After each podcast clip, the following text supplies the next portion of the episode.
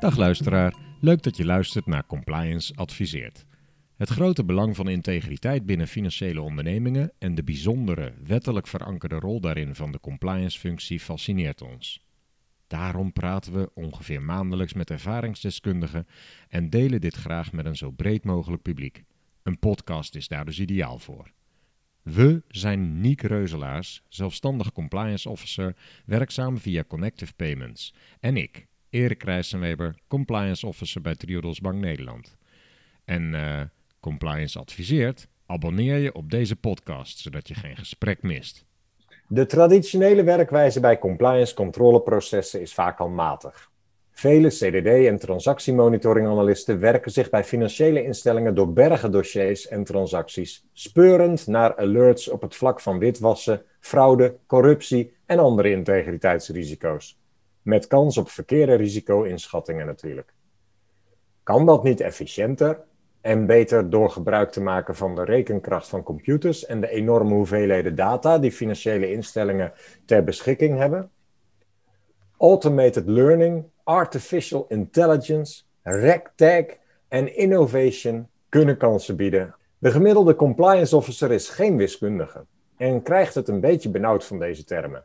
Mede dankzij het item over deepfakes van Arjen Lubach of een artikel van hoogleraar Andrew Murray in het NRC laatst, waarin deze hoogleraar betoogt wie de data beheerst, beheerst de debatten, wordt het een steeds relevanter onderwerp.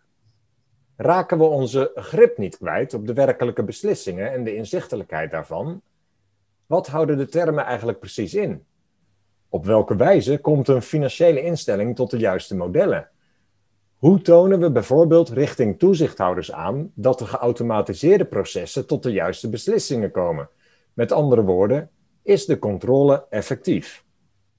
Deze vragen en meer gaan we bespreken vandaag met Jeroen Goudsmit, gepromoveerd in wiskundige logica en begin 2020 begonnen bij Rabobank, en met Maurice Jongmans, CEO bij Online Payment Platform. Welkom heren, dank voor jullie bijdrage aan deze podcast. Goedemiddag, dankjewel. Goed om erbij te zijn. Dank je Maurice en Jeroen. Goedemiddag. Ja, ik uh, heb er zin in voor een mooi gesprek. Ik heb er ook zin in. Jeroen, kun je kort iets vertellen over je werk bij Rabobank? Zeker. Uh, ik hou me bezig met de kwaliteit van de modellen die we als organisatie gebruiken om integriteitsrisico's en specifieker uh, risico's op KYC-gebied te beheersen.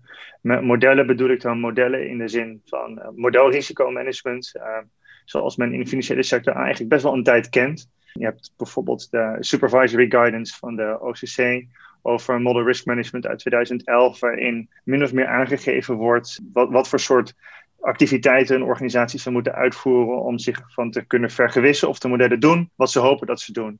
Ook DNB heeft bijvoorbeeld in 2019 in de guidance van de AML-CTF Act aangegeven dat bijvoorbeeld op het gebied van transactiemonitoring de kwaliteit en effectiviteit van het systeem uh, demonstreerbaar moet zijn.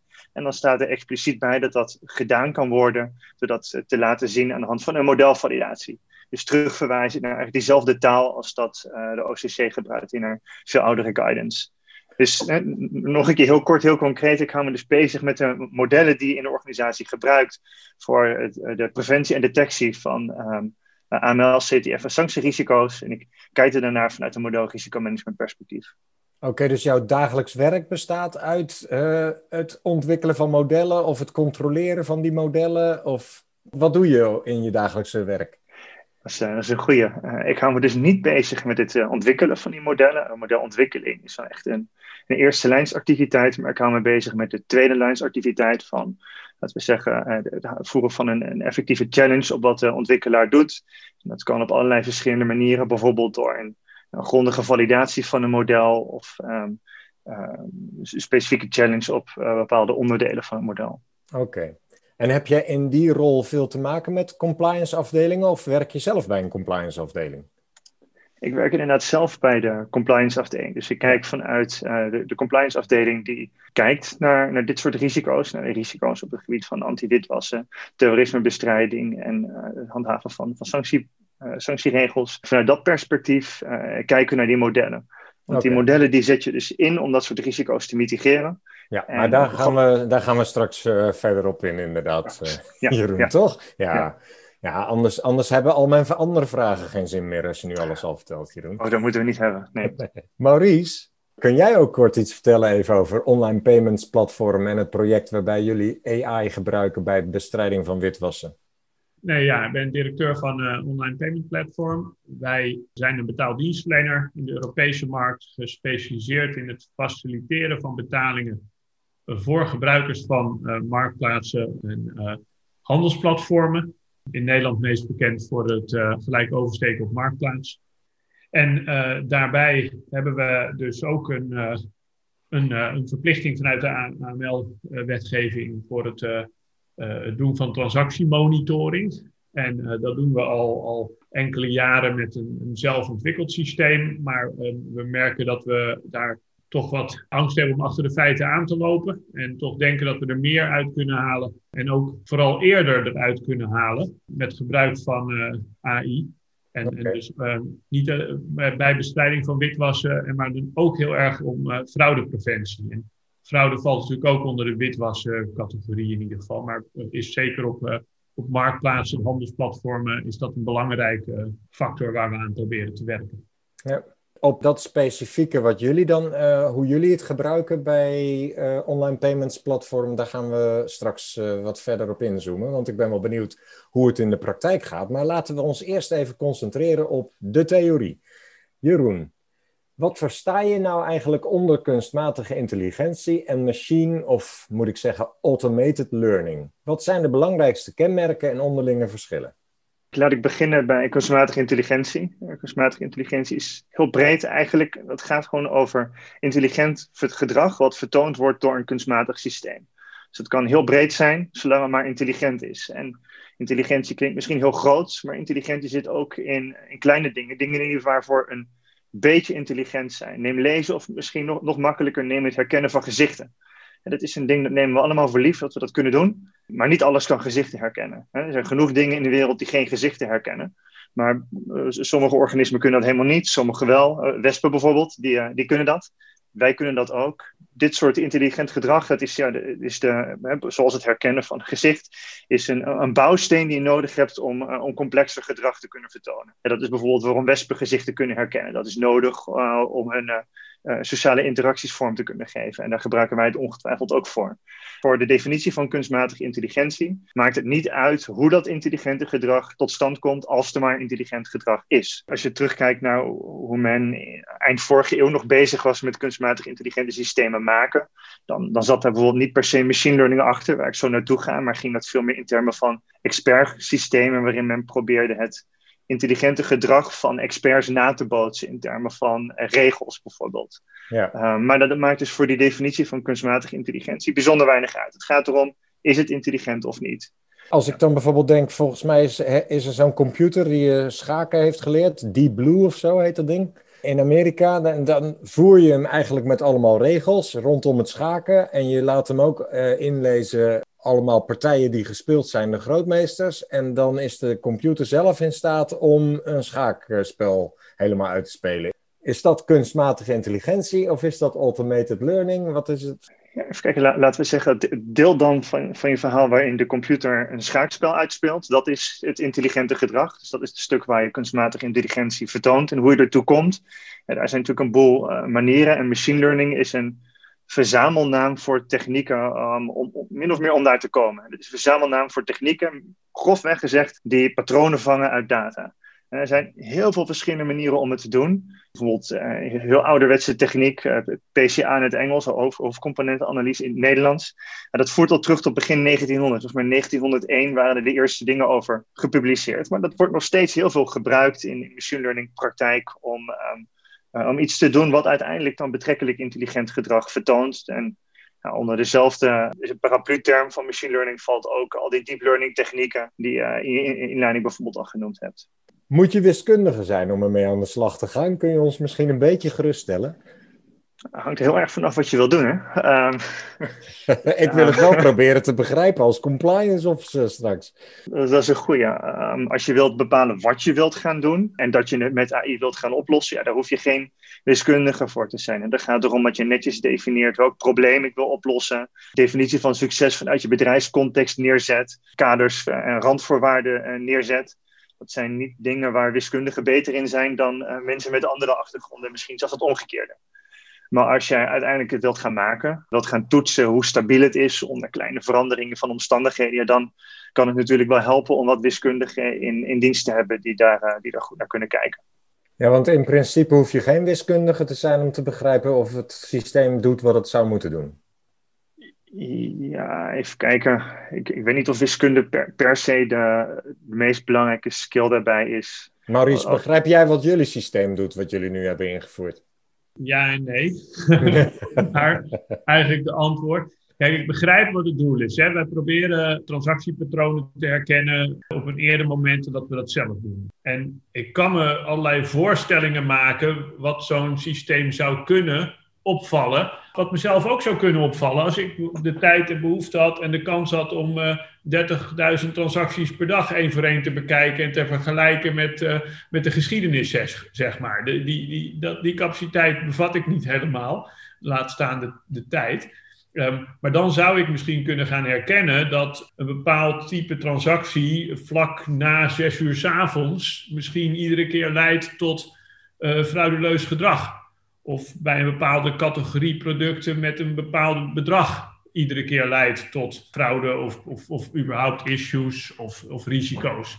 Dus ik snap wat je wil bereiken door dat te onderzoeken, zeg maar. Of je die patronen in kaart kan brengen. En ik snap ook dat dat voor het menselijk brein misschien wel in staat is om dat te doen, maar bijna onhaalbaar is, omdat de omvang van de data zo groot is. Ja, dat is wat je eigenlijk in mijn beleving probeert te bereiken dat we de computer uh, die vergelijking gaan laten maken. Die gaat op zoek naar die patronen, door de, uiteraard door de data en de info die je hem voert. Jeroen, welke voordelen kan kunstmatige intelligentie en machine learning bieden in de financiële wereld volgens jou? Die is wel mooi om op te splitsen in eigenlijk twee verschillende soorten taken die je hebt in, in organisaties. En het is natuurlijk een heel grove splitsing, maar laat ik hem eh, splitsen in, in alledaagse taken en experttaken. Met alledaagse taken bedoel ik de taken die eigenlijk iedereen wel kan doen en die kun je heel snel doen. En dat is bijvoorbeeld eh, lezen. Dat is iets dat kunnen we allemaal vanaf een paar jaar oud. En we hebben best wel goed geleerd. We kunnen ook heel snel herkennen wat, uh, wat we op een foto zien. Het zijn allemaal taken die zijn voor, voor mensen uh, alledaags. Um, en die zijn heel belangrijk um, voor, voor, voor verder, um, verdere complexe verwerking van bepaalde processen. Die zijn de, bouwstenen voor verdere automatisering. En wat je daar eigenlijk vraagt aan de computer is om een amper uh, goed omschreven patroon wel te gaan herkennen. Daar kun je heel veel mee in, in eigenlijk elke sector wel. Uh, want dit faciliteert de rest van een keten die je mooi kan automatiseren. Dat is de ene kant. Aan de andere kant heb je dus die experttaken. En dat zijn taken die je eigenlijk alleen maar kan doen met serieuze training. Waar je echt, echt hard over na moet denken. Het zijn dingen waar je wat diepere analyses maakt over de besluiten die je neemt. Uh, waar je wat duidelijkere succescriteria hebt, taken waar je als organisatie ook normaal echt procesbeheersing omheen zet. Dan kun je denken aan processen inderdaad als, als transactiemonitoring uh, of KYC-processen, dat soort zaken. Um, en wanneer je daar, um, daar AI op inzet, zou je kunnen zien als het meer ja, schaalbaar maken van dat soort activiteiten. Die, kun je denk ik heel, heel grofweg vergelijken met dat je een soort van uniforme, nou, laten we zeggen junior expert eh, neerzet die het wat eenvoudigere en beheersbare werk uit handen kan nemen. Maar ook uh, zelfs iets, uh, iets verder kan gaan. Meer dingen tegelijkertijd in gedachten kan houden dan je van een mens zou kunnen verwachten. Wat Maurice al noemde, dat je duizenden transacties tegelijkertijd in gedachten wilt houden om een bepaald ding op waarde te schatten. Ja, het, is, het is vrij onrealistisch om te verwachten dat een normaal mens zoveel dingen tegelijkertijd in zijn hoofd houdt. Lukt mij in ieder geval niet. En een computer die kan, dat, kan het een stukje eenvoudiger. Jij hebt net al iets gezegd over een document uit 2011. Van welke organisatie was dat ook alweer? Sorry. Dat was de, de OCC, Office of the Controller of the Currency. Dus uh, Amerikaanse okay. toezichthouder. Um, en dat was echt vanuit de ehm, context van managen van de risico's die je loopt als organisatie. Ja. Wanneer je modellen inzet om uh, financiële besluitvoering te doen.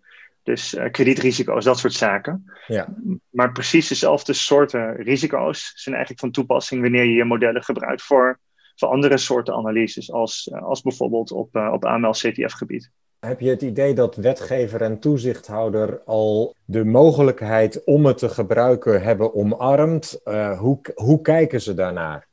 In mijn perceptie staan toezichthouders daar, daarvoor open. Als je kijkt naar DNB's guidance over, uh, over AML-CTF, dan zie je daar, daarin staan. Hè, kunstmatige intelligentie is in principe geen probleem, zolang je maar kan laten zien dat het hè, een, effectief en efficiënt systeem is. Dat hè, klinkt alleszins redelijk. Aan de andere kant heb je algemene uitdagingen wanneer je met algoritmes gaat werken, dus niet specifiek algoritmes voor compliance doeleinden, maar algoritmes in algemene zin.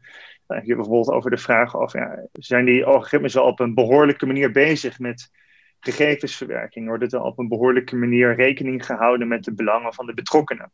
Dat zijn bijvoorbeeld overwegingen die de autoriteit persoonsgegevens neerzet. als je ook kijkt naar de guidance die DNB over AI geeft, dan noemen ze bijvoorbeeld de, de SAFEST-principes. Dus heb je het over soundness, accountability, fairness, ethics, transparency en de, en de skills. Uh, dus daar dat, ging, een, dat ging snel, wacht even hoor. Ja, die, die, die ging snel. ja. uh, maar daar zetten ze een, een, een net uh, raamwerk neer van eigenlijk wat, wat principes waar je over na moet denken als je bezig gaat met, met AI in een, in een organisatie die een cruciale rol speelt in het financieel systeem. Ja. Ik heb ze net heel snel opgenoemd. soundness, accountability, fairness, ethics, transparency en skills. Mm-hmm. al die onderwerpen zijn, zijn heel erg belangrijk, maar interessante daarvan is is bijvoorbeeld zo'n notie als fairness. Hè? Dat is weer hetzelfde eigenlijk als die behoorlijkheid die AP noemt. Mm-hmm. Is de manier waarop je dat algoritme inzet wel, wel fair? Is dat wel behoorlijk? Hou je daar wel op een gepaste manier rekening met de waarde van de directe en indirecte betrokkenen?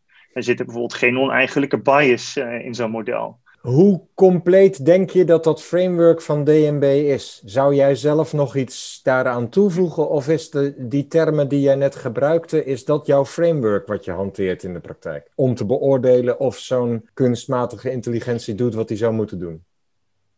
Ja, het, framework is denk ik niet, niet bedoeld als een uh, limitatieve checklist. Ik denk nog niet alles. En ik denk dat je als organisatie er zelf naar zou moeten kijken en kijken hoe je dat goed verankert. Ik denk dat de belangrijkste concepten er, er wel in staan. Daar kom je wel een boel in terug. Maar als ik dan specifiek kijk naar als je AI inzet ten behoeve van uh, mitigeren van een compliance risico, dan zou ik niet alleen dit, deze inslag willen nemen, maar ook die insteek vanuit, uh, vanuit modelrisicomanagement ernaar kijken.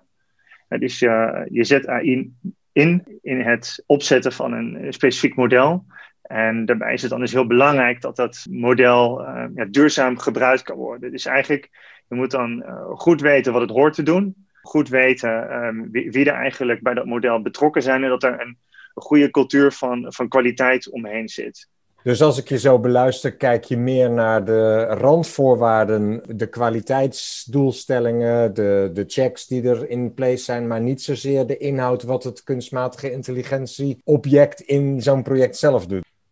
Ah, goed is dat aanstipt, want dat, uh, dat is niet de bedoeling. Het is uh, echt de bedoeling dat de kunstmatige intelligentie of het, het model wat je uiteindelijk maakt, doet wat het hoort te doen om te weten of het doet wat het hoort te doen, moet je eerst duidelijk weten wat het hoort te doen. Ja, ja. En dus dat betekent, wat is precies het risico wat het model probeert te mitigeren? Welk beleidskader heb je daarin? Welke bedrijfsprocessen horen daarbij? Als je dat niet helder hebt, hoe ga je dan later toetsen of het model doet wat het hoort te doen? Ja. Dit moet je heel helder hebben, zodat de eerste lijn consequent ook in de gaten kan houden doet het model nog wat ik wilde doet. Dat de tweede lijn uh, kan kijken, is dit nog allemaal binnen de, de, de bandbreedtes wat afgesproken is. En zodat ook de derde lijn goed zijn procestoetsing kan doen. Maar het begint allemaal met, met duidelijkheid over wat je nou eigenlijk op probeert te lossen.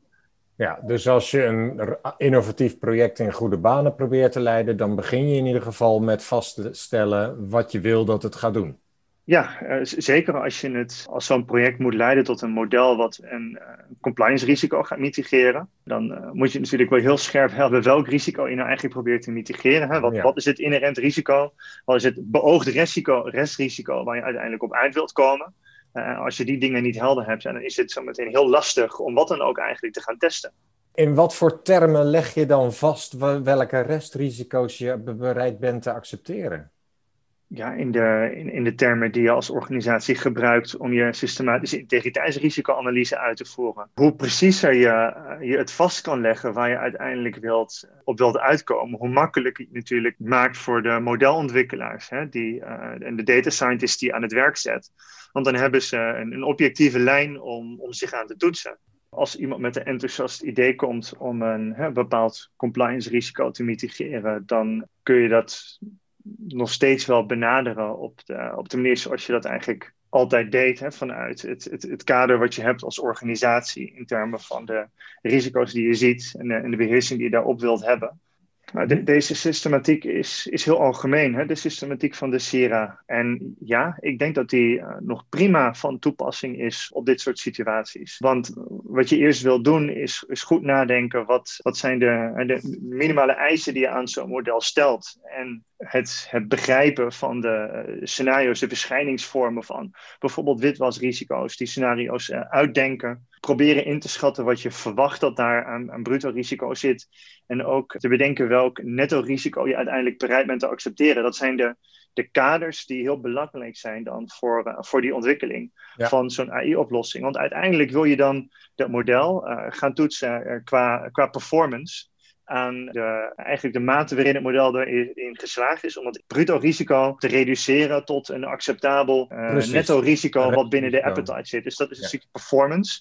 En dat verwijst ook weer, weer terug naar dezelfde termen die je in, um, in, in, guidance in termen van modelrisicomanagement ziet. Kijk naar de performance van een model. Maar wat daarnaast ook heel belangrijk is, is het, het goed kijken naar de, de soundness van een model. De soundness van een model gaat over, ben je wel uh, op een goede manier naar de wereld aan het kijken. Het model is een, versimpeling van de wereld, die, die kijkt naar een aantal risicodrivers bijvoorbeeld. En dat is ja bij AI-modellen wel moeilijker dan, eh, dan niet-AI-modellen, maar ook daar hè, kun je kijken naar welke, welke features worden meegenomen uh, en op welke welke manier worden de afslagen ingemaakt? Dat zijn factoren die interessant zijn. En dan natuurlijk ook hoe stabiel is dat voor, voor kleine veranderingen? In welke features een rol spelen? Uh, hoe stabiel is het voor, voor veranderingen in de, in, in, in de data die er omheen zitten? Dat zijn um, factoren die je dan vanuit soundness mee wilt nemen. Maar ook een heel belangrijk aspect, zeker ook voor je compliance modellen, is het goed kijken naar de governance die er omheen zitten. En welke mensen besluiten over de modellen. Uh, dus wanneer je eenmaal zo, wanneer dan hè, de, de, enthousiaste collega uit de eerste lijn die komt met zo'n uh, voorgesteld model, wie gaat er uiteindelijk dan de verantwoordelijkheid voor dragen? Dat het werkt of niet werkt. Ja. Hè, is dat de oorspronkelijke de risicodrager van dat oorspronkelijke witwasrisico? Is het iemand anders? Is het de ontwikkelaar? Het is heel belangrijk dat je dat helder hebt en dat je de rollen eromheen goed belegd hebt. Begrijp ik goed, Jeroen, dat als ze met zo'n soort plan komen bij je, dat jij dan verwacht dat ze daar allemaal over nagedacht hebben en dat uitgewerkt hebben voor je, zodat je dat ook kunt beoordelen? Uiteindelijk is het wel belangrijk om dit soort dingen inderdaad uitgedacht te hebben. En dat hoeft natuurlijk niet in één keer perfect te zijn. Voor mij um, past het binnen, binnen een, een, een tweede lijnsrol om daar ook oh, gesprek over te hebben. Het hoeft niet in één keer perfect, maar daar wil je wel komen voor je als organisatie. Daar probeer je ze ook in te begeleiden. Ja, ja. Ja, Even een uitstapje naar Maurice. Herken je dit? Hebben jullie dit op deze manier toegepast? Nou ja, ik denk dat er, er zeker elementen in zitten die we bij ons over nagedacht hebben, waar we naar gekeken hebben. Ook een van de, denk ik, belangrijke elementen is dat er een soort sandbox in het systeem zit, waarbij je nieuwe regels, modellen, functionaliteit kan vergelijken met de geschiedenis en gegevens hoe je daar in het verleden op gereageerd hebt. Dus het model weet of het, het systeem weet waar we voorheen alerts genereren.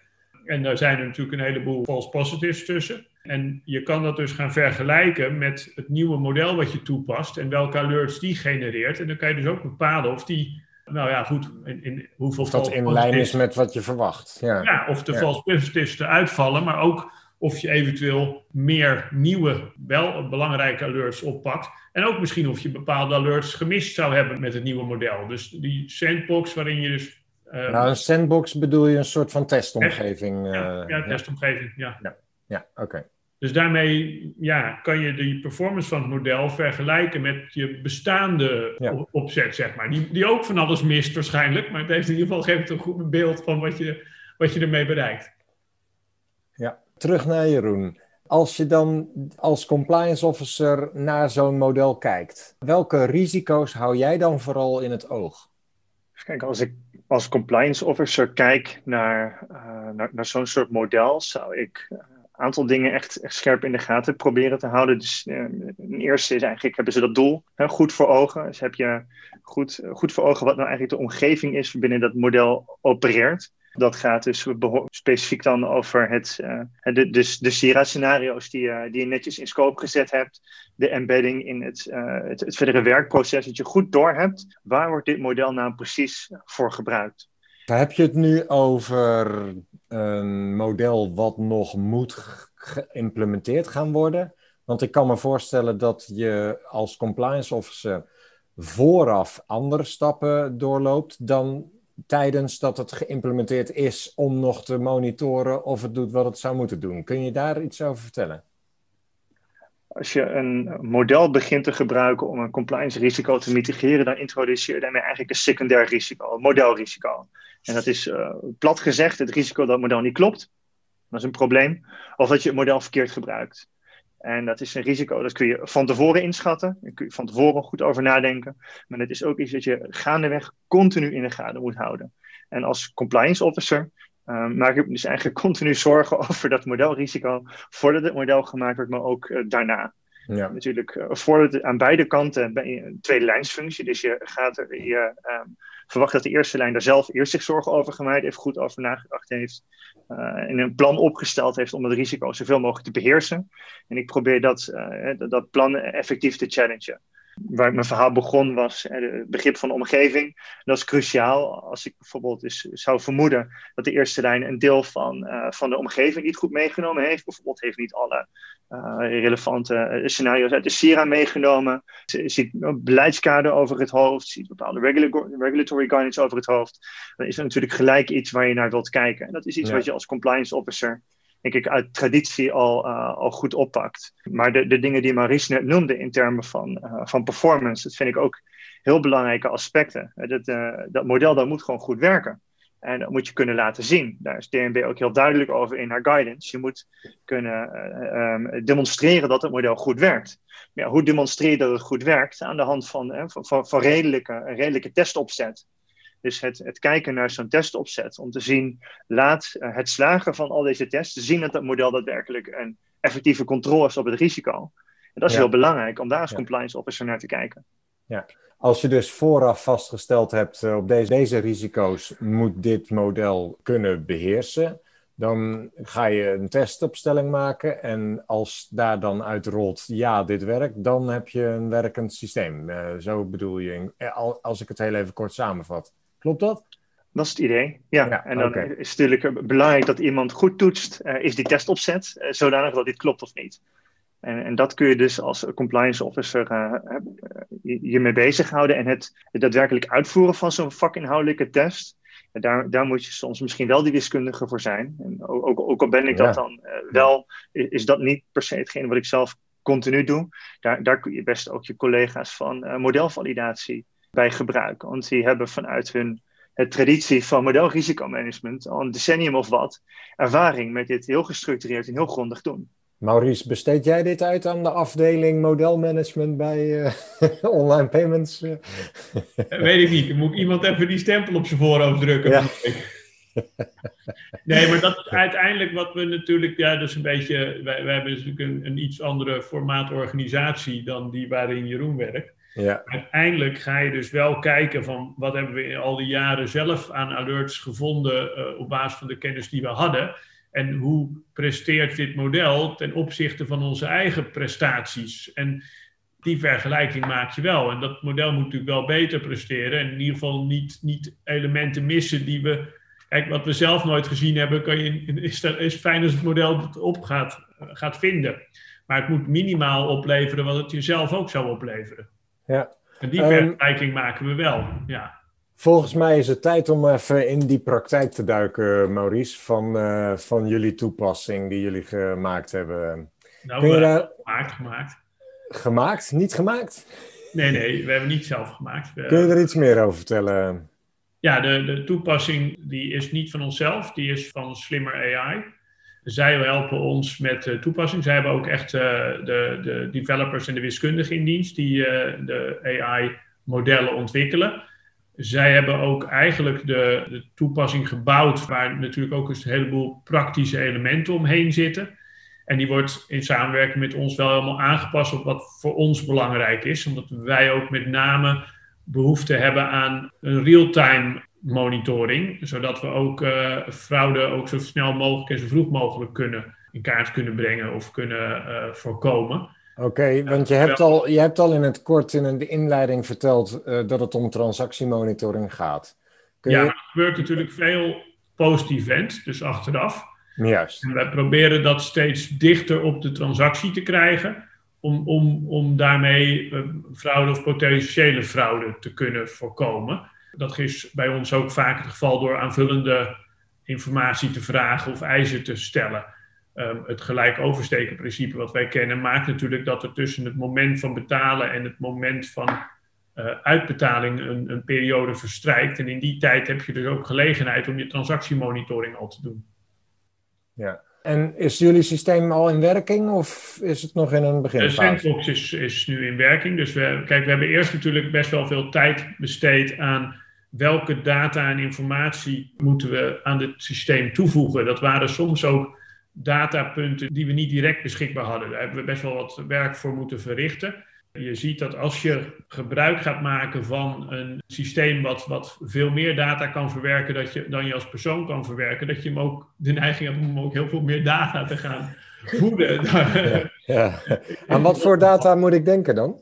Nou, een van de, een van de data die wij. Uh, we hebben disputen, dus mensen die ontevreden zijn over een transactie of, of de gelijk oversteken. Product wordt niet ontvangen, een product is niet zoals gewenst. Die data wordt bij ons uh, in ons huidige systeem, waar onze mensen zelf naar kijken, worden die opgeslagen per verkoper en bij verkoper. Dus op de subject, zou ik maar zeggen, op de, op de merchant of op de koper, slaan we dan op dat daar een dispuut over bestond dat um, wat het... Nee, die een dispuut gemeld heeft, neem ik aan. Ja, ja, ja de koper ja. meldt hem, de verkoper heeft hem tegen zich, zeg maar. Hè? Ja, ja, zijn... ja. Zo, dat is de situatie, ja? Ja, we leven niet in de wereld dat elke koper altijd gelijk heeft. En of ook elke koper altijd... Uh, uh, niet, um, die kan ook fraude plegen, hè? kopersfraude. Die kan gewoon zeggen dat zijn, uh, zijn iPhone kapot is aangekomen of niet is aangekomen, terwijl dat misschien, misschien niet het geval was. Ja,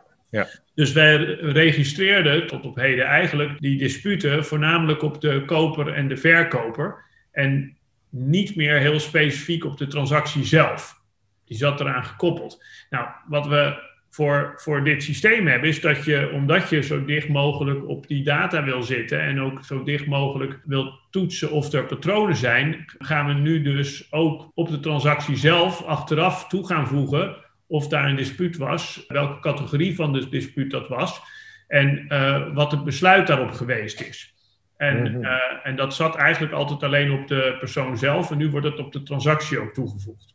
Ja, en op dat vlak hebben jullie waarschijnlijk al heel veel data. Ja, we hebben al heel veel data, we doen het natuurlijk al jaren. En onze systemen doen ook al jaren alerts genereren. En personen worden geblokkeerd of transacties worden geblokkeerd.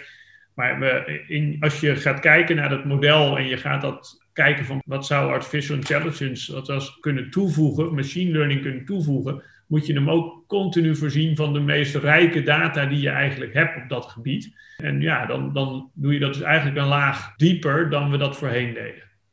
Dus die stap is eerst denk ik heel belangrijk geweest en heeft aan onze kant natuurlijk ook weer uh, development impact uh, gehad. Vervolgens uh, ga je kijken wat, nou ja, nou, als je kijkt naar wat, wel, welke, welk doel heeft het systeem, welke werkprocessen ook gaat het deels bij ons vervangen, constateren we ook dat er best wel een hoop alerts zijn die wij bij transactiemonitoring gebruiken, die een automatisch gevolg hadden in onze bestaande systemen. Ik neem maar een, een, een heel simpel voorbeeld. Op het moment dat er een dispuut wordt aangemaakt op een transactie door een gebruiker, dan wordt op dat moment die specifieke verkoper, daar worden geen uitbetalingen meer aan gedaan. Die stopt per direct. Dat is een soort tijdelijke blokkade. Dat gebeurt op het moment van aanmaken van dat dispuut. Want dat betekent namelijk, wij moeten er naar kijken, maar tussen het moment dat dat dispuut wordt aangemaakt en dat wij er naar kijken, daar gaat tijd overheen. En je wil niet dat in die tussentijd nou net een betaling eruit gaat, zeg maar. Dat betekent dat het systeem van transactiemonitoring diezelfde mogelijkheid moet hebben om in geval van een alert ook direct impact te hebben op onze systemen. En dus ja, op basis van een notificatie van het uh, ook direct een gebruiker tijdelijk te blokkeren voor uitbetalingen bijvoorbeeld. Even nog een klein stapje terug. Begrijp ik dus dat jullie het systeem zo willen inrichten dat op het moment dat de transactie plaatsvindt, dat dan al de beoordeling plaatsvindt. Dit zou wel eens een hoog risico transactie of juist hier vertrouw ik helemaal op, daar komt geen dispuut op. Is, is dat waar het om gaat? Deels het eindelijke doel is om al op dat moment daar op zijn minst een, een indicatie van te hebben, zeg maar. Ehm, en steeds dichter daarop, uh, waardoor je ook die transactie misschien al kan voorzien van extra voorwaarden in het kader van gelijk oversteken. Extra verificaties, extra controles. Bijvoorbeeld, een van de dingen die bijvoorbeeld interessant is, we hebben met het gelijk oversteken, heeft een gebruiker heeft, uh, een week de tijd om aan te geven dat een transactie niet verlopen is zoals die had gewild, zeg maar. Als die in een week de koper en de verkoper allebei niet reageren, dan gaan we ervan uit dat alles succesvol is geweest. Ja. ja. Ja, of, uh, of, de koper was op vakantie, maar dat, uh, ja. Ja, goed, dat zou dus kunnen. Maar, maar ja, dan heeft hij... Uh, wat je dan ziet is, kan je dat proces misschien... In hoeveel gevallen gaat het toch na die zeven dagen niet goed? Komen daar nog vragen of klachten over? Kunnen we niks meer aan doen in dit geval? Maar die komen wel binnen, die registreren we wel. Kunnen we nou een patroon ontdekken van in welke gevallen er na die zeven dagen nog klachten komen, waardoor we misschien zo'n transactie niet na zeven dagen al uitbetalen, maar toch langer op zich laten wachten, zeg maar. Dat zijn eigenlijk de doelstellingen die je aanvullend stelt aan wat we nu al kunnen doen, waar we de hoop, verwachting, wens hebben om daar met kunstmatige intelligentie of, of, of machine learning invulling aan te kunnen geven. Ja, want in feite, niet dat het mij nou echt gaat om de discussie wat is nou precies kunstmatige intelligentie, want het gaat mij gewoon om de praktische oplossing tenslotte. Maar als ik jou zo hoor, dan gaat dit systeem eigenlijk gewoon van rekenkracht gebruik maken, maar de intelligentie komt nog steeds van jullie zelf vandaan. Jij, jij bepaalt zelf welke data jij aan het systeem voedt, waar het systeem gebruik van moet maken om een beslissing op te maken. Klopt dat? Nou ja, in bepaalde mate wel. Je, maar je, wat je doet is je geeft hem zoveel mogelijk data die je hebt. Ja, maar... Of zeg je, ga naar die data kijken ja. en ga alerts genereren waarvan je denkt dit gaat goed, dit gaat niet goed. Vervolgens worden die alerts beoordeeld. Namelijk, nou ja, we, we blokkeren een transactie, we laten hem toch doorgaan. Die beoordeling is nog wel handmatig. Op dit moment wel, maar het idee is dat je daarmee het systeem vertelt wat false positives waren. Welke alerts allemaal uiteindelijk een false positive waren. Wel een alert, maar niet een, een, een, het risico wat we proberen af te dekken. Dus geen fraude waren. Ja. En daarmee hoop je dat dat systeem leert, ja, ja. intelligent leert, dat hij een beter patroon nodig heeft om de volgende keer die transacties niet een alert te geven. En degene die wel fraude of potentieel fraude zijn, wel te behouden, zeg maar, of zelfs meer te vinden. Ja, je voedt het systeem achteraf met de informatie die die nodig heeft om te bepalen of hij de juiste alert had afgegeven. Ja. Zit er altijd zo'n soort feedback loop in uh, zo'n soort systeem? Jeroen, kun jij daar iets over zeggen? Herken je dit? Je zou in zekere zin wel hopen dat de, elke organisatie die op deze manier zo'n soort model gebruikt, zo'n feedback loop er erin zou stoppen. Nou, als, ik hem, als ik hem heel flauw Dat doe je zeg, dus goed, Maurice. Dat doe je goed. als, ik, als ik hem heel flauw zou zeggen, is zoals ik hem nu begrijp, Maurice, corrigeer me als ik het verkeerd zeg, is wat je eigenlijk hebt, is een systeem wat, wat, wat screening doet. dus die kijkt, is, is er iets geks aan de hand? En aan de, op basis daarvan daar verbind je consequenties aan. Na afloop kun je nog iets van diagnostiek toepassen. En dat, dat zal je niet op alles doen. En die diagnostiek die, die koppel je aan de screeninginformatie. En op basis daarvan weet je of het klopt of niet. Of kun je, kun je kijken of de screening goed geweest is. Natuurlijk, die diagnostiek doe je niet op alles waar de screening op gedaan hebt, want dan was je de hele tijd diagnostiek aan het doen. Dan had je net zo goed niet kunnen screenen. Dat doe je natuurlijk op, neem ik aan, op een representatief deel representatief deel van de dingen waar geen alert op afgegaan is, zal je het op doen. En op alle dingen waar wel een alert op afgegaan is, waar mensen op klagen. En natuurlijk ook daar weer, überhaupt op alle dingen waar een alert op afgegaan is, neem ik aan een representatief deel, dat je nog een keer even met de hand checkt om te kijken, klopt dit allemaal? Om, om op die manier te kunnen staven, doet het model wat ik hoop dat het doet. Klopt dat ongeveer? Ja, ja ehm, dat is één, één van de methoden om te blijven controleren of het model doet wat je wil dat het doet en of het ook uiteindelijk, de, uh, ja, het, doel is natuurlijk dat het allereerst alle alerts, zoveel mogelijk alerts genereert, die ook resulteren in een beperking van het risico. En je wil voorkomen dat het alleen maar alerts uh, genereert. Uh, false positives wil je eruit gaan filteren. En het gedachte van het toepassen van kunstmatige intelligentie in het transactiemonitoringproces is dat je het aantal false positives kan gaan terugbrengen. Dus het aantal keren dat gewoon een, een rule-based model, want het is natuurlijk ook een model, maar gewoon een rule-based oplossing. Ja, ik, ik, noem maar wat, een rule-based oplossing die, die zegt van joh, uh, uh, dit is een hoog risicotransactie, want het waren er drie op een rij van, uh, van 5000 euro, dus gezamenlijk zijn ze 15. Hè? Is een rule-based oplossing die voor de hand ligt. Um, maar als je die regelmatig hebt, en dat zijn iedere keer false positives, hoop je dat je met een kunstmatige intelligentiesysteem kan leren welke van die set aan transacties uh, wel een alert moeten genereren en welke niet. Ja, want dan gebruikt dat kunstmatige intelligentiesysteem nog meer data dan alleen maar die rules die je net beschreef. Ja, ja die heeft natuurlijk ook alle, alle kenmerken omheen. Uh, ja, ja de datum en tijd waarop het ingeschoten werd, of de postcode, weet ik veel. Ik weet niet of je daarop mag scoren, maar allemaal van dat soort data wordt er dan aan toegevoegd, zodat het systeem leert: hey, in dit soort gevallen zie ik een samenhang van risicofactoren die maken dat ik er een alert op afgeef het, hoeft ook niet zo per se zo te zijn dat je AI-model meer data gebruikt dan je regelgedreven model. Het is prima mogelijk om een AI-model te maken wat bijvoorbeeld maar op basis van één variabele het alsnog beter doet dan een regelgedreven model wat er 30 gebruikte. Omdat je nou eenmaal ooit een keer bedacht had om op basis van 30 variabelen dat te doen. En het AI-model zegt van nee, als je nou gewoon deze pakt en op die manier doet, dan gaat het veel beter. Het is in theorie, allemaal mogelijk, alhoewel waarschijnlijk in praktijk je vaak ziet dat uh, zo'n AI-model meer variabelen gebruikt. Maar meer variabelen is niet per se beter. Nee, het kan ook zijn dat je in je regelmodel allerlei variabelen meeneemt die nooit wat opleveren. Hè? Ja, die ja, compleet irrelevant blijken te zijn. Of ja. juist een, een, een, diffuus beeld opleveren, waardoor het systeem helemaal niet meer weet waar die op moet letten. Nou ja, uh, ik kan me voorstellen dat, dat er veel variabelen zijn die vervolgens helemaal geen impact hebben op, op, de, op, de, op de alerts, maar wel allemaal gecheckt worden. Dan kan het dus efficiënter zijn. Maakt zo'n kunstmatig intelligentiesysteem onderscheid tussen kausaal verband en een gewoon verband?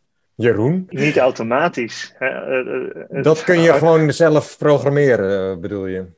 Nou ja, het zit niet zozeer in het programmeren, maar in hoe je die data boven tafel krijgt. Als je alleen maar kijkt naar de gegevens die je hebt, dan kun je alleen maar verbanden zien in de gegevens die je hebt. Maar als jij op een of andere manier kan controleren voor bepaalde patronen, dan, dan kun je die dingen wel uit de data persen. Ik zeg het niet heel, heel wollig. Ik ga even kijken of ik het wat, wat preciezer kan zeggen of wat scherper kan zeggen. Voorbeelden uh, helpen altijd. Even kijken, ik heb laatst bijvoorbeeld iets gehoord over, een, en doe, ik het even uit mijn hoofd, dus als de details niet helemaal kloppen, ma ma maakt voor het verhaal niet heel veel uit. Je, je, hebt misschien ooit wel eens gehoord van die broken window theory, toch? Dat um, in een wijk waarin dan uh, de gebouwen er een beetje slecht uitzien, daar is veel criminaliteit. Dus als je nou zorgt dat die gebouwen er niet slecht uitzien, dus geen ingegooide ruiten enzovoort, dan gaat de criminaliteit omlaag. Ja. ja. Dus het is een mooi voorbeeld van waar iemand een correlatie gezien heeft. Ja. Dacht dat de causaliteit van de een naar de andere kant ging. En dan op basis daarvan beleid is gaan maken. He, dus hmm. gezegd heeft van nou oké, okay, dus blijkbaar op een of andere magische manier veroorzaken kapotte ramen meer criminaliteit. Dus ik wil, ik wil minder criminaliteit. Dus ik zorg voor minder kapotte ramen en dan komt het vanzelf goed. Nou ja, eh, um, dat, dat is dus een voorbeeld van, en het is dus niet eens met AI gegaan. Gewoon kijken naar de werkelijkheid, zien dat er een verband is denken dat er een causaliteit zit en op basis daarvan je beleid maken. Dat, dit ja, zou je, een uitslag van een KI-proces kunnen zijn. Zou, zou zomaar kunnen. Hè? Dat model zou prima ja. dat verband kunnen aangeven en zeggen ja. van, goh, daar kun je iets mee doen. Maar dan is het dus heel belangrijk, hoe maak je je toetsopzet om te kijken, bestaat dat verband daadwerkelijk of niet? en dat is natuurlijk gedaan en daar, daarvan heeft men dan gezien van, dat, valt, dat valt toch eigenlijk best wel tegen, want hè, de, de, correla- de causatie zat waarschijnlijk andersom. En dan heeft het dus geen zin om het ene, te, uh, ene nee. tegen te gaan door het, door het ander te, te beheersen. Dat, dat werkt dan niet. Nou, dat was ook de reden van mijn vraag. Maurice, bij, zien jullie bij in jullie systeem dat je data hebt toegevoegd die eigenlijk gewoon weer uh, eruit gehaald moesten worden omdat het eigenlijk niet iets toevoegde? Nee, dat zou ik niet direct willen zeggen. Hoe, hoe besluit je dan welke dataset je toe wil voegen aan dat kunstmatige intelligentiesysteem? Ja, je probeert de data die je levert zoveel mogelijk te verrijken en zoveel mogelijk informatie mee te geven. En wat we dus met name hebben gedaan, is, is je hebt transactieinformatie ten tijde van de transactie. En later verandert die transactiedata. Een creditcardtransactie die van een reservering naar een succesvolle gaat, die misschien nog een chargeback krijgt.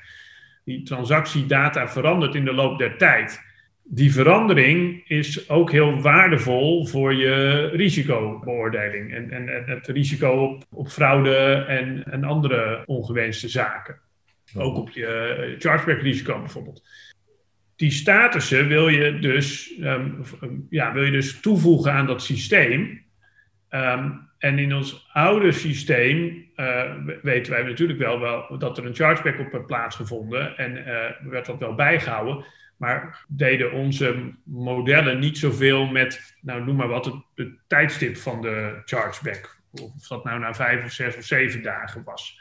We, zagen er is een chargeback plaatsgevonden. Ja, ja. Gaat op de goedkeuring van een, een gelijk oversteken transactie. We konden van elke zien hoeveel. Eh, nou, als we zelf gaan kijken naar een, een transactie die opviel, dan kijken we hoeveel, hoe vaak is een transactie, gelijk oversteken transactie succesvol geweest wat is de geschiedenis van zo'n gebruiker? Als je daaraan toe gaat voegen hoe snel na een transactie geeft iemand een goedkeuring, of hoe snel na een transactie komt er een chargeback, of juist hoe langzaam, levert dat meer informatie op, zeg maar, waar je patronen in kan herkennen. Ja, en die patronen zou je in principe, als je daar een uitgebreide losse analyse op los zou laten, zou je die patronen misschien zelf ook boven water kunnen krijgen. Maar het interessante aan kunstmatige intelligentie is dan dat dat systeem zelf dat soort verbanden gaat leggen en snel kan berekenen ook. Ja, je moet, ik denk toch, als, je, als zoals ik er naar kijk, zeg je van goh, ik heb hier uiteindelijk een set met transacties. Nou, laten we chargeback nemen, waar chargeback op plaatsgevonden hebben. Welke... een chargeback is dus ook een, het starten van een dispuut eigenlijk, wat je net zei. Ja. Het, het, is hetzelfde met incassos-transactie, waar een stornering op plaatsvindt. Op een gegeven moment wil je zeggen, goh, we hebben hier een hele set transacties waar een chargeback op heeft plaatsgevonden. Zijn er nou andere elementen die, die in de data die bij deze transacties horen, die eigenlijk overeenkomen of een vergelijkbaar patroon laten zien? Waardoor je voor de volgende transactie die gedaan wordt, kan kijken, ja. heeft hij de eigenschappen van zo'n transactie waar een chargeback op plaatsgevonden heeft in ja. zich? Ja, dat is het idee. Ja. ja. Gebruiken jullie dit ook voor transactiemonitoring op bijvoorbeeld het herkennen van witwassen of iets dergelijks? Of is het alleen puur fraude gericht? Nee, nee, het is, het is, wat een gronddelict kan zijn voor witwassen, vooral duidelijkheid. Maar ja, is wat, is wat nauwer dan breder witwassen natuurlijk. Nee, nou ja, daar kijken we natuurlijk ook naar. Dus ook daar heb je weer andere datapunten soms voor nodig. Hè. Dan komt de, de relatie met de verkoper uh, tot stand, de relatie met de koper tot stand. Dus dan is de transactiedata op zichzelf niet meer zo interessant, althans. Maar dan is het gecombineerd met wie doet die transactie. Ja. Een voorbeeld is, heeft een, als één verkoper steeds transacties heeft met dezelfde koper, is dat een op zich minst vreemd gedrag, zou ik maar zeggen. um, Dus dan ga je, eh, en ook als één verkoper in dezelfde type product altijd drie keer zoveel omzet maakt dan een andere verkoper, is dat vreemd gedrag. Dus ook daar zit het met name afwijk, afwijkingen van patronen, afwijkingen van een, een, een soort verwacht. Wat we natuurlijk altijd al hebben, dat we werkten met verwachte transactievolumes, verwachte uh, transactiebedragen, waren dat vrij in onze huidige werkwijze vrij statische limieten, zeg maar. Dus mhm. ja, je verwacht dat iemand zoveel transacties doet. En als die daar nou uh, meer dan 50 of 100 procent van afwijkt, dan gaan we er naar kijken. Dat, dat is een vrij statische limiet. En met machine learning kan je misschien, zien we ook wel, en, en verwachten we, dat je veel minder statische limieten krijgt voor de afwijking, maar veel meer gebaseerd op andere data, waardoor je gewoon meer eruit haalt, uh, positives eruit haal en, en, en wat van die false positives kan voorkomen. Willen jullie machine learning of kunstmatige intelligentie ook voor andere processen in het bedrijf gaan gebruiken of houden jullie het hierbij? Nou ja, ik, ik, ik hoorde net um, Jeroen uh, een definitie geven van uh, kunstmatige intelligentie. En toen dacht ik, ja, eigenlijk is, is, bestaat die ook al in onze chatbot, zou ik maar zeggen. Die heeft natuurlijk ook een, een, een kunstmatige intelligentie. Die probeert ook de vraag van de gebruiker terug te brengen tot wat we zoeken. En die, en die kijken we ook naar welke vragen heeft hij allemaal beantwoord en hoeveel gingen daarvan goed en hoeveel mensen haken vervolgens af. Dus daar zit natuurlijk ook al een ja, ja. in ieder geval in de definitie van Jeroen al een, een kunstmatige intelligentie in, zeg maar. Um, Dus feitelijk doe je dat al. We gebruiken OCR-technieken in onze systemen. Dus ja, dat is ook het, het lezen. Uh, Optical Character Recognition. Ja, ja. Um, dus, dus dat is ook een lezen, dus die valt ook onder zijn uh, omschrijving. Dus, nou ja, uh, Jeroen, Jeroen, gaf het voorbeeld nog van lezen, inderdaad. Ja. Daarom, dus ik denk dit, dit, dit zijn mooie, mooie voorbeelden ook van dingen die. Uh, zeker OCR is, is denk ik. Niet, niet, niet, meer in onze generatie, maar eigenlijk de, de, daarvoor. Dit was nog echt een van die problemen waarvan men dacht: oh, dat, duurt nog wel echt een tijd voordat een computer dat goed kan doen. vroeger, als je een, een brief verzond, dan moest iemand daadwerkelijk lezen wat de adressering op die brief is om het te kunnen routeren. En op een gegeven moment hadden we daar OCR voor en kon, de computer dat doen. En jullie gebruiken dat ongetwijfeld ook in je bedrijfsproces om bepaalde dingen veel sneller subseconden te kunnen doen. In plaats van dat dat met de, met de hand, of misschien wel sub, sub 100 milliseconden, ja. Uh, dan dat dat met de hand uh, zou kunnen. En zoiets als een chatbot is, is ook een manier om een veel grotere schaal, een veel hoger niveau van service te kunnen bieden. Dan je dat realistisch met, met de hand zou kunnen doen. Want op deze manier kun je waarschijnlijk 24-7 de bulk van de, laten we zeggen, huistuin- en keukenvragen beantwoorden. Ik die, ben wel redelijk over... niet zo makkelijk kon afwikkelen. Ja, ik ben wel redelijk uh, overtuigd geraakt, jongens, van uh, het voordeel van uh, kunstmatige intelligentie. Maar is de toezichthouder al langs geweest bij jullie, Maurice? Om, heb je ze al moeten uitleggen hoe het werkt en zien zij ook dat het goed functioneert op deze manier? Nee, ja, ehm, de toezichthouder is nog niet langs geweest, maar is ook niet langs geweest om het vorige systeem te testen. Maar je hebt natuurlijk wel beleid en en procedures die je gedeeld en uitlegt hoe je erop uh, handelt en welke procedures je in plaats uh, hebt om te voldoen aan je verplichting tot transactiemonitoring. En ik denk ook wat eerder naar voren kwam, ook vanuit Jeroen, van wie, wie heeft welke rol om vervolgens verantwoordelijkheid te hebben over welke modellen worden toegepast.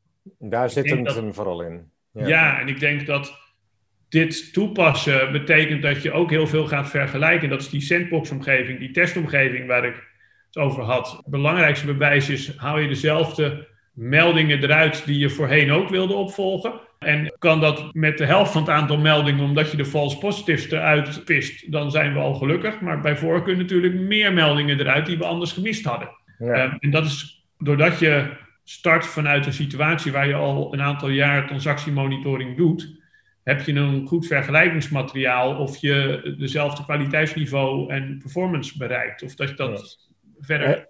Eh, Jeroen, eh, kun jij dat nog aanvullen? Zijn er ook andere manieren waarop je. Want, want ik kan me inderdaad voorstellen als je het kunt vergelijken met wat je voorheen deed en het werkt nu efficiënter. Maar er zullen ook bepaalde processen. Daar zal kunstmatige intelligentie worden toegepast, waarbij je dat niet kunt vergelijken met een set aan data wat je daarvoor al had, wat handmatig gedaan werd. Zijn er dan nog andere manieren waarop je kunt aantonen dat het goed werkt? Kijk, laat, ik die door midden hakken, dan eerst even op deze specifiek ingaan. Omdat het iets is wat je doet uh, voor transactiemonitoring. De DNB heeft er vrij duidelijke guidance over gegeven. En daar, staat dat je uh, wilt kunnen laten zien dat het model goede kwaliteit heeft. En dat de effectiviteit van het systeem gedemonstreerd kan worden. En wat Marie volgens mij net uh, uitgelegd heeft, is de manier waarop hij en zijn organisatie demonstreren dat dat systeem effectief is. Eén manier om dat te kunnen doen is natuurlijk benchmark aan een ander systeem waarvan je vindt dat het effectief was. Waarvoor je dat dan ook beargumenteerd hebt. Nou, dat, dat werkt. Ja. Een, een, een, een, eh, brede manier is echt een, volledige modelvalidatie van dat systeem te doen. Dus waarbij je het deels kijkt naar die performance en dat test en benchmark ten opzichte van andere dingen.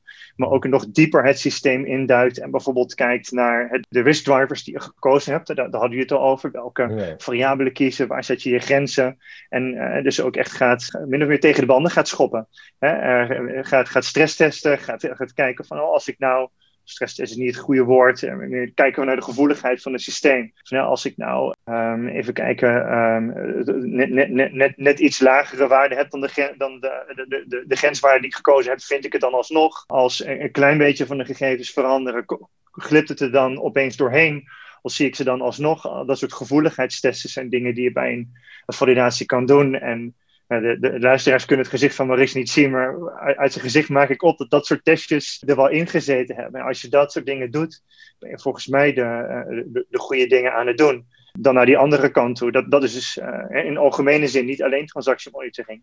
Ik denk dat wanneer je kan laten zien dat je je modelrisico op een goede manier aan het beheersen bent. Dus het risico is het model fout of gebruik het verkeerd dat, dat je dan de goede dingen aan het doen bent in termen van werkt het ding, is het effectief, maar de bredere zorg, het introduceren van een nieuw compliance risico door zo'n model te gebruiken. En dan specifiek het compliance risico van onbehoorlijk gedrag, een onbehoorlijk algoritme. Dat dek je daar niet automatisch meer af, tenzij je er specifiek naar kijkt.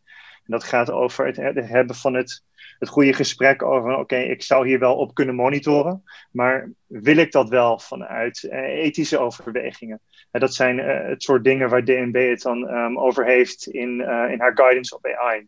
En dat is het, het stukje E uit Safest.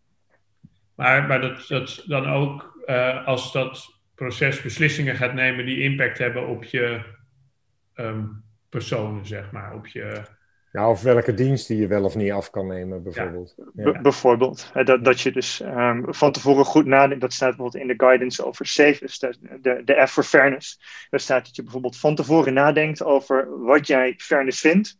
En hoe je dat, um, hoe, hoe je dat precies maakt en hoe je dat operationaliseert. Wat vind je fair? Hè? Wanneer vind je bijvoorbeeld dat bepaalde consequenties aan bepaalde gedragingen verbonden mogen worden? En wat, wat je, vind je dat je moet, uh, aan mogelijkheden moet geven voor iemand om ook bezwaar tegen te maken, bijvoorbeeld? maar dat zijn ongetwijfeld dingen die, uh, die in het, het oude proces al zaten bijvoorbeeld rondom disputen. En dat zijn ongetwijfeld dingen die hoog op het, uh, hoog op het lijstje stonden om te testen en, en goed over na te denken wanneer dit systeem ingebouwd wordt. Klopt dat, Maries?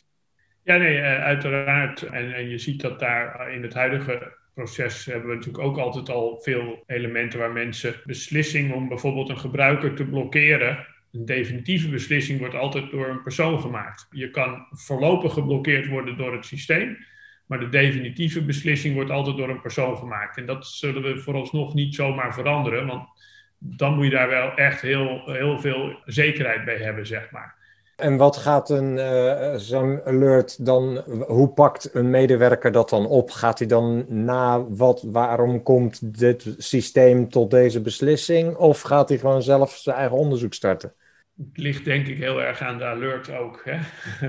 Oké, daar valt niet echt iets algemeens over te nee, zeggen. Ja, de alert wordt gegenereerd met bepaalde gegevens die hij erbij geeft, waarom die alert gegenereerd is. Oké, dat geeft het systeem ook mee. Om deze reden denk ik dat dit een eh, alert waard is. Ja, oké. Ja, ja. Er komt, er komt een, een, een, nou ja, afhankelijk of het een rule of een, een set rules of een set data is, waarop die resulteert in een afwijking. Mm die ga je dan beoordelen of die, dat is met een dispuut ook, soms heb je niet genoeg informatie, hebben wij niet genoeg informatie om dat te beoordelen en ga je gewoon uitvragen naar de klant.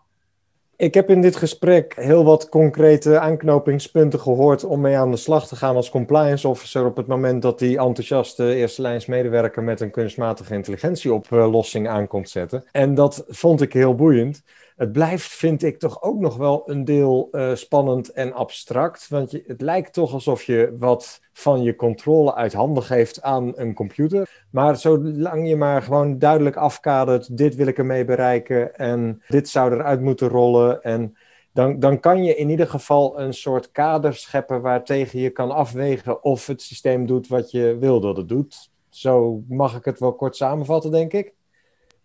Ja, Denken jullie dat de grote CDD- en transactiemonitoring afdelingen bij banken over vijf jaar nog nodig zijn? Um, ja.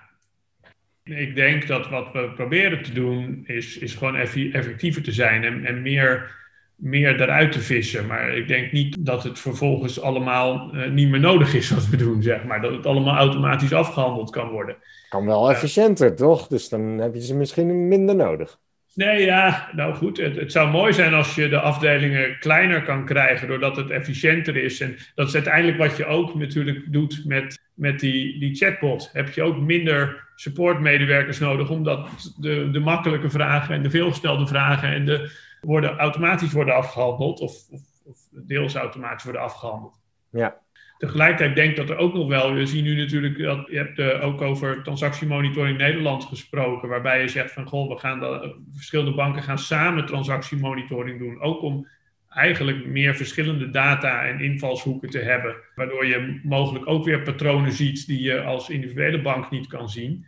Ik denk dat er nog wel een enorme taak ligt, met name ook bij de overheid, om vervolgens met al die conclusies die wij trekken en die gegevens die wij krijgen, ook nog iets te doen. Hè? Want, want, want ja, uiteindelijk zijn het soms ongebruikelijke transacties. Zullen wij die melden als ze voor ons ongebruikelijk zijn? Maar ligt er ook nog een taak bij de overheid en bij de financiële inlichtingenunit om die vervolgens ook uh, te gaan opvolgen, al die meldingen. Opvolgen, dat, dat, en daar ook nog case voor te bouwen. En misschien nog ergens het OM om, ze, om mensen te vervolgen. Waar er daadwerkelijk sprake was van, nou ja, witwassen of poging tot witwassen of uh, alles. Ja. En ik denk dat daar de grote bottleneck zit de komende jaren. De FIU heeft gewoon best wel, hoe meer transacties we kunnen aanmerken, hoe, hoe groter ook aan hun kant de capaciteit moet zijn om daar ook de juiste opvolging weer aan te geven. Um, ja. Uiteindelijk ben ik natuurlijk niet degene die uh, iemand voor witwassen gaat aanklagen. Oppakken, nee. nee, nee ik begrijp Op een gegeven moment ga ik het misschien afsluiten vanuit mijn risk appetite, maar uiteindelijk moet het oppakken en het, ja, het ligt toch bij, uh, bij het OM. Ja. Jullie passen het nu toe bij transactiemonitoring. Is het ook jullie plan om het bij CDD-processen, het boorden van nieuwe klanten, toe te gaan passen? dit, dit, dit voorbeeld is specifiek voor uh, transactiemonitoring, maar, maar wat ik al zei, we gebruiken OCR bij uh, onboarding. Ja, OCR, maar ik bedoel meer de risicobeoordeling. Nou, je, je kan, kijk, um, we, ik, heb, ik zie dat niet voor de korte termijn, maar ik, we hebben natuurlijk ook um, de nieuwe Account Information Service Provider diensten, waarbij je eigenlijk een jaar lang geschiedenis of twee jaar lang geschiedenis van iemand zijn bankrekening kan opvragen waar partijen op basis van die geschiedenis een financieringsvoorstel uh, op kunnen, voorstel kunnen maken. Nou, ja. daar kan ik me voorstellen, als dat zit niet bij ons, maar daar kan ik me voorstellen dat ook daar interessante modellen voor beschikbaar komen uh, of gemaakt kunnen worden. Ja, en Jeroen, hoe denk jij dat over vijf jaar de wereld er wat, wat dit betreft uitziet? Ik denk om de, de parallel te maken met die, met die chatbot. Uh, wanneer je zo'n chatbot hebt om de te zeggen, wat makkelijkere vragen te beantwoorden. Dan hou je natuurlijk uh, ruimte over in je callcenter om de dingen naar een hoger plan te tillen. Dan heb je meer ruimte om een goed gesprek met, uh, met je klant te hebben.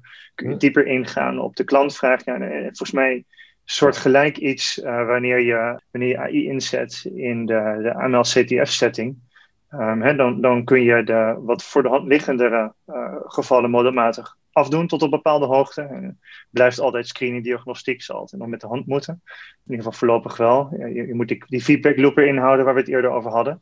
Maar dat biedt meer ruimte om de, de intensere en moeilijkere gevallen met uh, meer, daar, daar meer tijd en energie in te stoppen. Ja, en op dus die manier mag, naar een hoger plan ja, te komen. Ja, dus ik mag concluderen, het is waarschijnlijk niet zo dat er uh, heel veel mensen minder aan het werk zullen zijn, maar gewoon met de belangrijkere zaken, zodat en de computers kunnen de makkelijkere zaken afhandelen. Daar komt het eigenlijk op neer.